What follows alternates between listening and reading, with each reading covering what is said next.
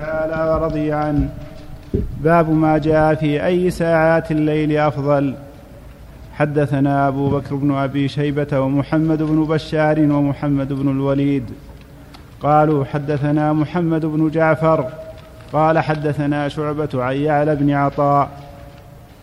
عن يزيد بن طلق عن عبد الرحمن بن البيلماني عن يعلى بن عطاء إيش معنى؟ عن يعلى بن عطاء عن يزيد بن طلق نعم. عن عبد الرحمن بن البيلماني عن عمرو بن عبسة رضي الله تعالى عنه قال أتيت رسول الله صلى الله عليه وآله وسلم فقلت يا رسول الله من أسلم معك قال حر وعبد قلت هل من ساعة أقرب إلى الله من أخرى قال نعم جوف الليل الأوسط. نعم. أحسن الله إليك. الحديث فيه ضعف لأن عبد الرحمن بن اليماني يضاعف الحديث لكن جوف الليل فيه فضل عظيم وأفضل منه آخر الليل الثلث الأخير. نعم. السدس السدس الرابع والخ... هذا الأوسط السدس الرابع صلاة داود نعم. نعم. صلاة داود السدس الرابع والخامس. نعم ثلث الليل الرابع والخامس. الثالث والرابع. نعم. النزول إنه بعض الفاظ إنه في النصف الأول. نعم. الصحيح إنه الثلث الأخير. نعم. أحسن الله إليك. نعم. حدثنا أبو بكر بن أبي شيبة قال حدثنا عبيد الله عن إسرائيل عن أبي إسحاق عن الأسود عن عائشة رضي الله تعالى عنها قالت كان رسول الله صلى الله عليه وآله وصحبه وسلم ينام أول الليل ويحيي آخره. نعم صلى هل استقر وتره على آخره صلى الله عليه وسلم.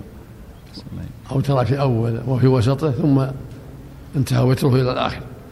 وقت التنزل الإلهي نعم نعم. الله إليك. يستمر في وتره إلى طلوع الفجر. نعم. يستمر في وتره إلى طلوع الفجر. نعم. صلى الله عليه حدثنا أبو مروان قال محمد بن عثمان العثماني ويعقوب بن حميد بن كاسب قال حدثنا إبراهيم بن سعد عن ابن شهاب عن أبي سلمة وأبي عبد الله الأغر عن أبي هريرة رضي الله تعالى عنه أن رسول الله صلى الله عليه وآله وسلم قال ينزل ربنا تبارك وتعالى حين يبقى ثلث الليل حين يبقى ثلث الليل الآخر. كل كل ليلة فيقول من يسألني فأعطيه من يدعوني فأستجيب له من يستغفرني فأغفر له حتى يطلع الفجر. فلذلك كانوا يستحبون صلاة آخر الليل على أوله.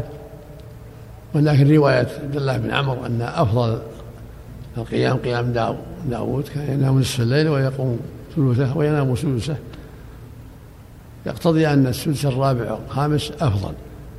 يعني نصف الثلث الثاني اللي هو الأخير ونصف الثلث الآخر هو الثلث النصف الأول.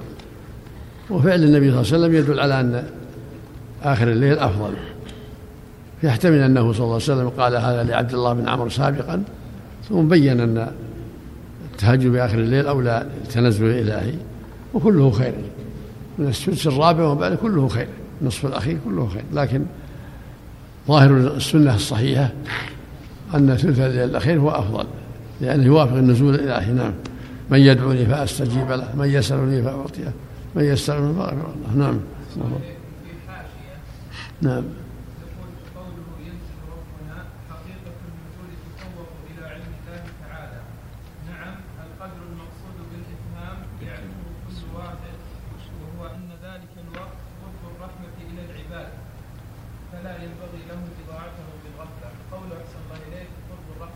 الصواب آه، الكف عن هذا. الصواب أن يقال نزول يليق بالله ولا يفسر شيء لا يعلم كيفيته إلا هو سبحانه وتعالى. ينزل كما يشاء.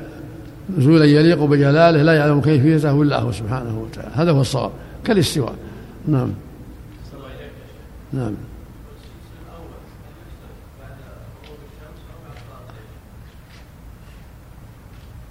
المعروف من من غروب الشمس. نعم.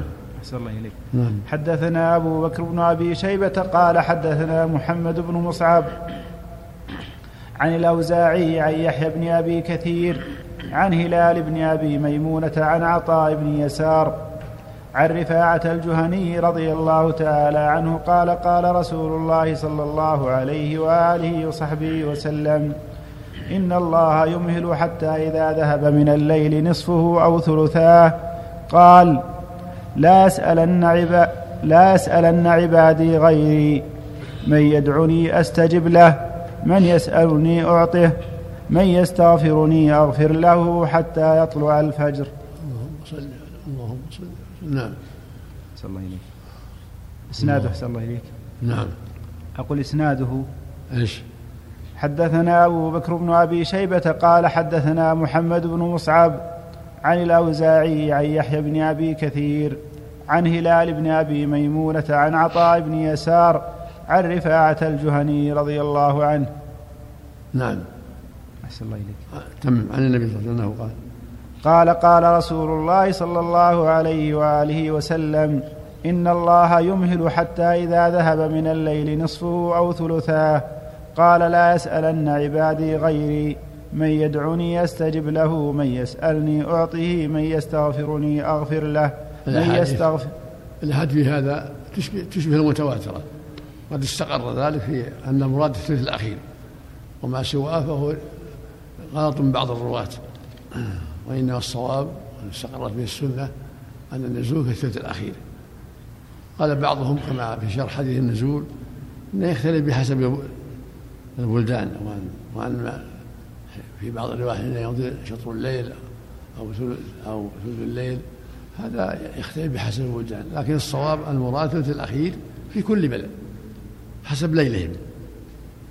فإن الثلث الأخير في أمريكا غير الثلث الأخير عندنا وغير الثلث الأخير في الشرق في الهند ونحوه. والله جل وعلا نزول يليق بجلاله في الثلث الأخير بالنسبة إلى كل بلد وعلى كل شيء قدير سبحانه وتعالى. نزول يليق بجلاله.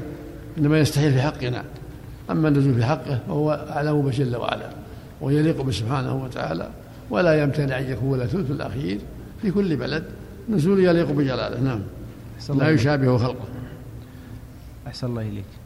باب ما جاء فيما يرجى أن يكفي من قيام الليل.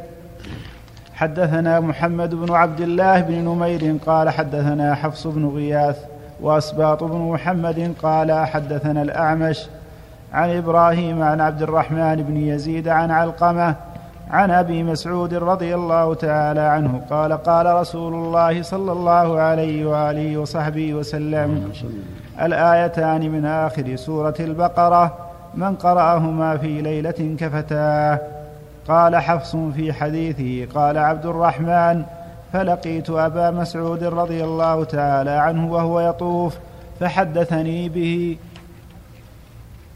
الآيتان آمن الرسول. والحديث مخرج في الصحيحين. من قرأهما في ليلة كفتا آمن الرسول من ربه والمؤمنون إلى آخر السورة. آيتان عظيمتان.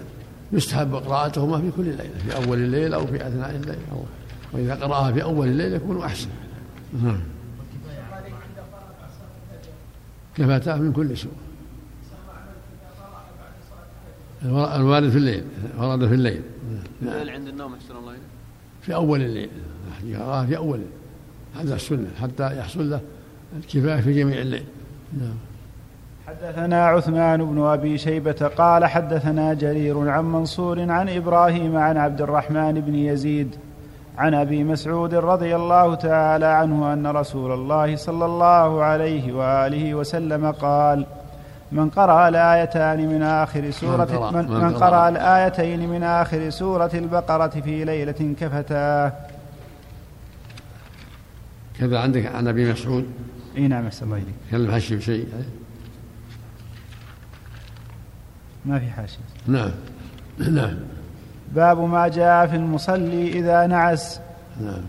حدثنا أبو بكر بن أبي شيبة قال حدثنا عبد الله بن نمير حاء وحدثنا أبو مروان محمد بن عثمان العثماني قال حدثنا عبد العزيز عبد العزيز بن أبي حازم جميعا عن هشام بن عروة عن أبيه عن عائشة رضي الله تعالى عنها قالت قال النبي صلى الله عليه وآله وسلم إذا نعس أحدكم فليرقد حتى يذهب عنه النوم. فإنه لا يدري إذا صلى وهو ناعس لعله يذهب فيستغفر فيسب نفسه. هذا هو السنة إذا كان ينعس فالسنة يستريح حتى يقوى على التهجد بالليل. أما إذا كان النعاس يسير وزال بالسواك أو بغيره فالحمد لله. أما إذا غلب عليه النوم مثل ما قال صلى الله عليه وسلم يرقد. نعم.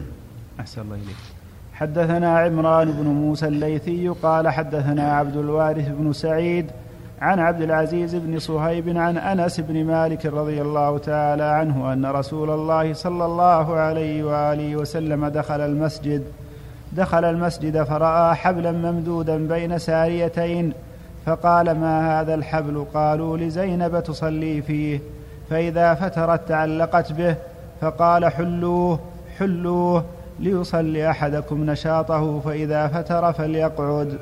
وهذا هو السنة لا يكلف الله نفسا إلا وسعها. وهذا من رحمة الله. يصلي المؤمن نشاطه فإذا فتر فليسترح هكذا لا يكلف نفسه لا في الصوم ولا في التهجد ولا في غير ذلك مثل ما أمر النبي عبد الله بن عمرو. قال إن لنفسك عليك حقا ولزوجك عليك حقا ولزوجك عليك حقا فأعطه الذي حق حقه. فالمؤمن يلاحظ العمل في النشاط والقوة. وإذا ضعف أو كسل أو نعس استراح. ولا يكلم فاستعجم القرآن على لسانه فلم يدر ما يقول اضطجع. نعم. صلى الله عليك باب ما جاء في الصلاة بين المغرب والعشاء. بارك الله يوم الخميس كذلك في المناجة والدارية بعدين إن شاء الله. خير إن شاء الله. انتهى يكون الأربعاء والخميس لابن ماجه والدارية بعد حين بعد ما ينتهي بعد إن شاء الله.